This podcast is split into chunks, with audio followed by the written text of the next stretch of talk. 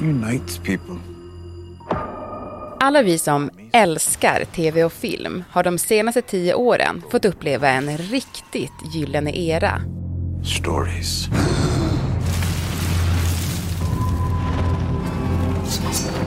Men allt gott har tyvärr ett slut. På en kvart får du veta hur den höga inflationen och de dyra räntorna kommer påverka vad du kan bingea på streamingtjänster som Netflix och HBO. What do I have to do? You have to go to the real world. Det är måndag den 26 juni.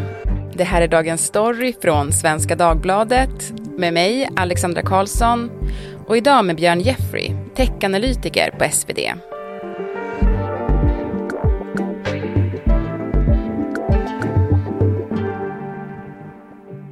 Du Björn, hur många olika streamingtjänster har du där hemma? Jag tror att jag har fem som jag betalar för varje månad. Och sen kanske någon som är gratis också. Men du är inte så här som att du, har liksom en, du lånar en kompis? Nej, nej, utan jag är, jag är, jag är streamingålderns liksom bästa kund. Jag har alla konton själv. ja, men det kanske är skönt, för att jag menar, nu går ju inte att låna sin kompis längre. Man får ju bara vara en, typ. Ja, och det är väl ett tecken på någonting som är på väg att ändras när man liksom, när tiderna var bra då kunde man låna konton höger och vänster och nu börjar de, börjar de snåla in helt enkelt. Så nu är vi på, på väg in i någonting nytt. Mm, ja men precis, och det ska vi prata om idag. Eh, och du har ju skrivit en rätt, eh, ja men dyster analys ändå i svenskan som kortfattat går ut på det kommer bli liksom fler dokusåpor, färre storslagna tv-produktioner som till exempel Succession. Eh, det är det vi är på väg mot alltså pengar var väldigt billigt ganska länge eh, och nu börjar liksom allting bli lite dyrare igen. Folk börjar tänka på att vi kanske inte kan ha många streamingtjänster samtidigt i samma företag. Vi borde spara lite. Och då blir det liksom de här, ja men det storslagna, det dyra, det liksom, ja, det lyxiga, den lyxiga tvn. Jag tror att den kan få ta lite stryk, tyvärr. Så att det, det är absolut dystert, det får man säga, om man är en sån som gillar liksom fin drama på tv. Mm. Vi ska gå igenom lite mer vad du menar eh, och hur vi då alla tv-älskare kommer påverkas av det här. Men först ska jag bli nostalgisk. Jag vet, alla älskar inte nostalgi, men jag är en nostalgiker. Och vi ska göra en tillbakablick. Som du, eh, Björn, skulle sammanfatta de senaste tio åren när det gäller tv-serier och film, alltså hur skulle du sammanfatta dem då? Ja, men man, kan, man kan titta på det från andra hållet nästan säga så att har du varit ett produktionsbolag, det vill säga någon som, som jobbar med att producera tv, så har du aldrig varit en bättre tid än de sista tio åren. För du har haft så många köpare. Plötsligt så finns det liksom, du har Netflix, du har Amazon Prime, HBO Go, Apple TV. Alltså det är så otroligt många köpare plötsligt, vilket gör att konkurrensen eh, blev hårdare och du kunde ställa högre krav och plötsligt kunde du få igenom en typ av tv-program som du själv kanske alltid hade velat producera men som ingen ville köpa. Um, men sen när den här streamingboomen då liksom exploderade, då ville alla köpa och man trissade liksom upp budgivningen mot varandra. Och det är då man får den här liksom, den lyxigheten uh, och en typ av tv som man kanske inte har sett tidigare egentligen. Och kan man säga att en serie som typ startar den här eran är House of Cards? Ja, men det tycker jag. House of Cards var väl egentligen den, den första riktigt den stora och framgångsrika originalproduktionen som kom direkt till en streamer. Alltså det, det, var Netflix egna. Netflix hade ju i många år licensierat andras material, det vill säga liksom köpt in serier från höger och vänster. Men det här var liksom ett bett som de, som de tog själva. Ja, men nu gör vi vår egen serie och den var ja, men påkostad, lyxig, bra skådisar, bra manus liksom. Och, och, och det, det satte lite tonen för, aha, även streamingtjänster kan göra den här typen av material. Eh, och därifrån liksom så, så, så stack det iväg kan man säga. Mm. Och du Björn, du ska nu få lista de bästa serierna som du har sett under den här tiden. Man måste börja med Succession. I am surrounded by snakes and fucking morons! En serie om en mediefamilj som är så djupt dysfunktionell Eh, och som jag, jag, fortfarande nu efter sista avsnittet som kom för några veckor sedan, som tänker på dagligen. Lite så posttraumatiskt eh, succession syndrom har jag här för att jag saknar det så mycket. Um, och sen den andra får nog säga Mad Men. Everybody else's tobacco is poisonous. Lucky Strikes is toasted. Lite äldre, en, en serie om en reklam, reklamare i en annan tid på liksom 60-talet otroligt välskrivet, otroligt fint om liksom, eh, dysfunktionella människor även där. Det finns, kanske finns ett tema här för mig, vilken typ av tv jag gillar. um, sen har vi VIP. Did your boyfriend know anything about this? I was trying to use Jonah for intelligence. That's like trying to use a croissant as a f***ing dildo. HBO-serie som utspelar sig i Vita huset. Um, framförallt otroliga biroller. Alltså ett, ett, ett otroligt manus och fantastiska biroller. Sen Breaking Bad. Are you familiar with my product? I've been told it's excellent. It is impeccable. It is the purest, most chemically sound product on the market anywhere. Breaking Bad handlar ju om, om, om en man som försöker att finansiera sin egen cancervård genom att eh, producera crystal meth. Eh, även detta ett fantastiskt manus. Och sen liksom kanske slutligen då en serie som jag tittade på väldigt, väldigt sent. Jag började titta på den när den redan hade, eh, när alla säsonger var klara och hade undvikit detta. Game of Thrones. Dead men, dragons and dragon queens. Whatever stands in our way, we will defeat it.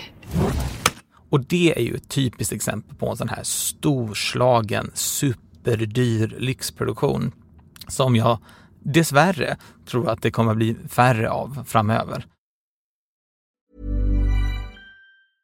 Hej, jag Ryan Reynolds. På Mint Mobile, we like to do the opposite of what Big Wireless does. They charge you a lot, we charge you a little. So naturally, when they announced they'd be raising their prices due to inflation, we decided to deflate our prices due to not hating you. That's right. We're cutting the price of Mint Unlimited from $30 a month to just $15 a month. Give it a try at mintmobile.com slash switch. $45 upfront for three months plus taxes and fees. Promo rate for new customers for limited time. Unlimited more than 40 gigabytes per month. Slows. Full terms at mintmobile.com. Du pratar om den här nya verkligheten som vi ska liksom mm, komma in i nu. Vad är det för verklilighet och varför kommer den nu? Ja, men egentligen hänger det ihop med liksom ganska tråkiga, trista makrofenomen. Ehm, dels är det liksom inflation.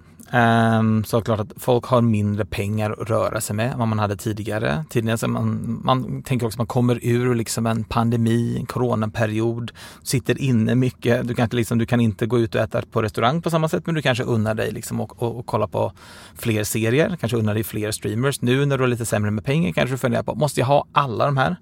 Så det är en, en del av det liksom på konsumentsidan. Och sen på den andra sidan så handlar det om att eh, pengar har blivit dyrt. Att det plötsligt är liksom höga räntor. Det står ju mot vanliga människor som har bolån och den typen av saker också. Men det påverkar ju också liksom möjligheten för de här företagen att låna pengar eh, när de ska liksom göra sina st stora produktioner. De måste ju liksom betala dem först och sen så hoppas man att man får fler prenumeranter eller mer lojala prenumeranter när du väl har dem.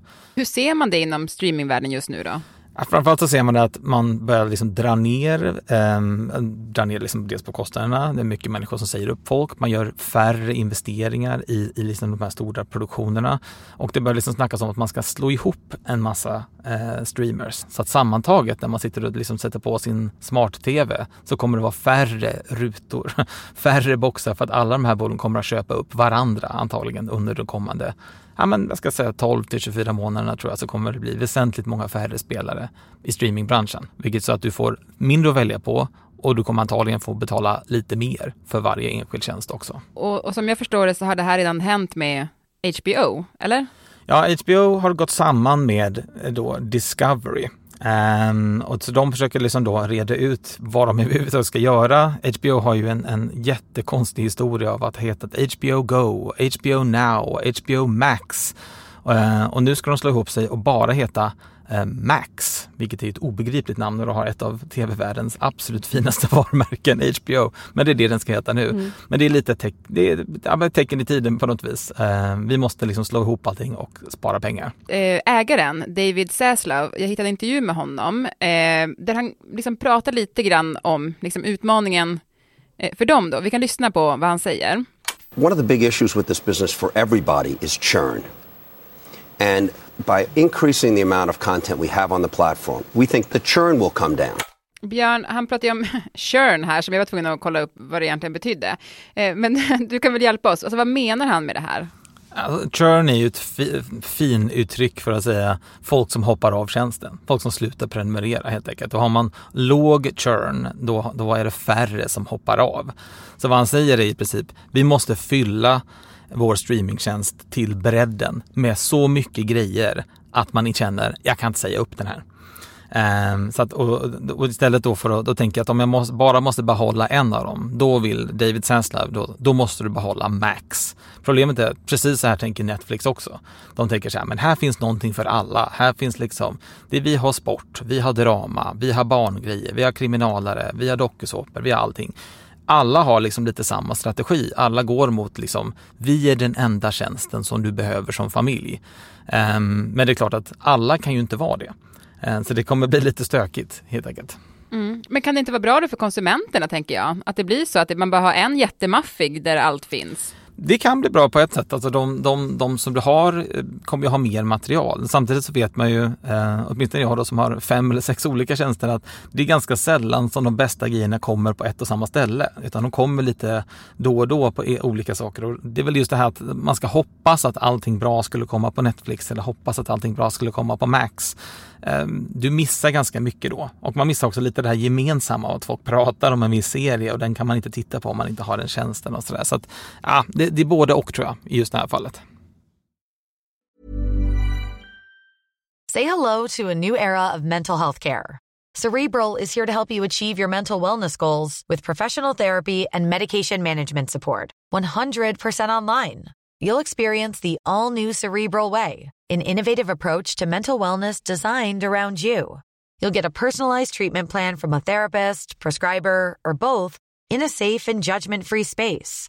Your cerebral therapist or prescriber will outline a customized plan with clear milestones along the way so you can get to feeling your best. With Cerebral, you're not alone in your mental health journey. We're here to empower you to live a fulfilling life. So take that first step towards a brighter future and sign up today at cerebral.com slash podcast and use code ACasts to get 15% off your first month. Offer only valid on monthly plans. Other exclusions may apply. Offer ends July 31st, 2024. See site for details. Jag tänkte på en sak. I Sverige har vi sett att det är en stor kris för eh, Viaplay.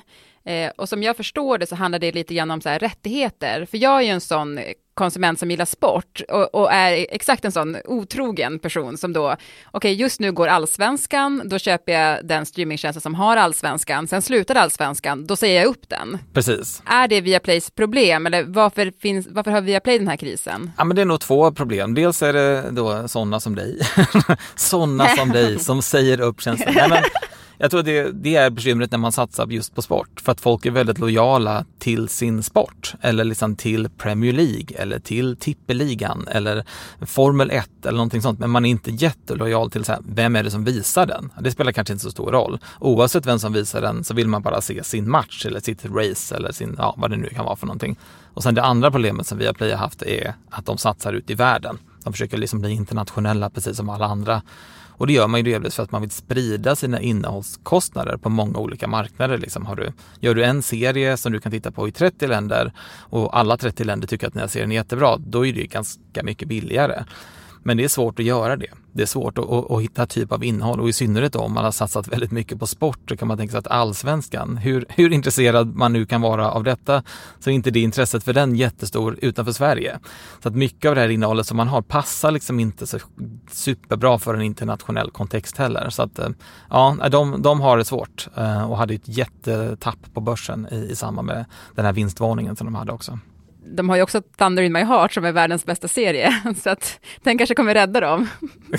Man kan hoppas, det, det, en lojal prenumerant har de, som, som, som, tittar bortom sportserien. Ja, det är bra. Men jag sa ju upp den då när jag hade sett klart eh, Thunder in my heart, så att det, var, det var samma sak igen, nu behöver jag den inte. Du är churnen personifierad kan man säga. Ja, ja men precis.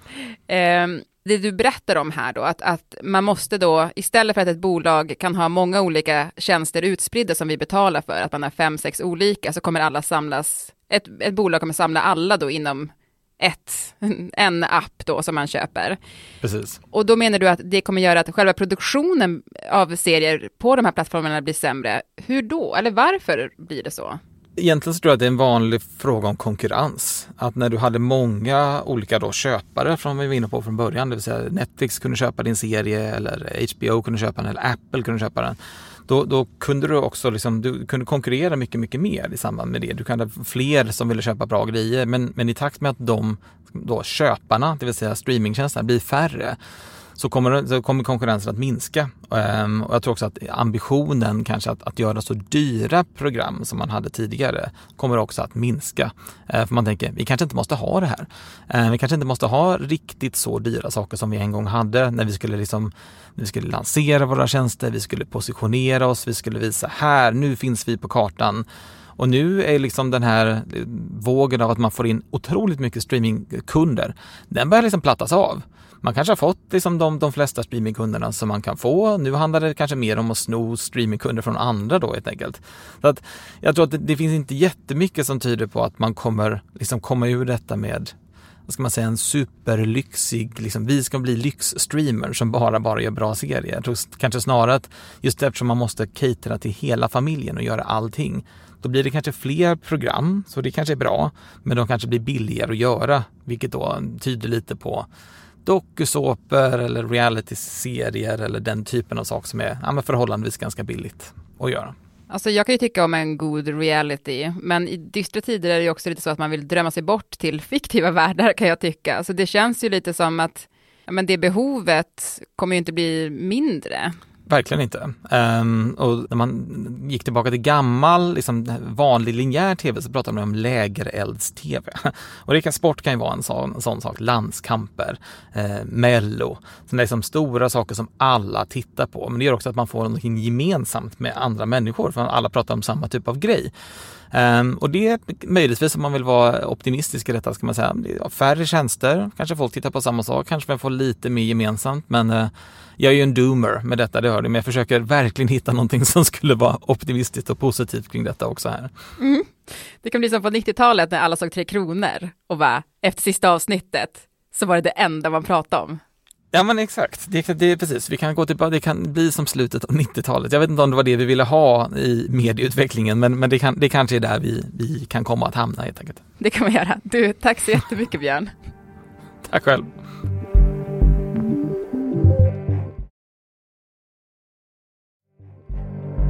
Och programmet idag klipptes av Lasse Edfast och redaktör var som vanligt du Stina Fischer. Hallå! Hallå Alexandra. Hej! Du, eh, du vill eh, komma in för att säga tack. Ja, vi vill eh, verkligen, hela redaktionen, tacka eh, alla er lyssnare som har velat vara med i våran undersökning som vi har gjort om programmet. Och vi har fått ihop massa intressanta idéer och tankar som vi kommer att använda oss av i framtiden. Och eh, nu är ju den här intervjuomgången över, men man kan ju alltid fortsätta att mejla oss om, om ja, men tankar, synpunkter, idéer, inputs. Ja, det är jättevälkommet. Och då gör man det till dagensstory.svd.se.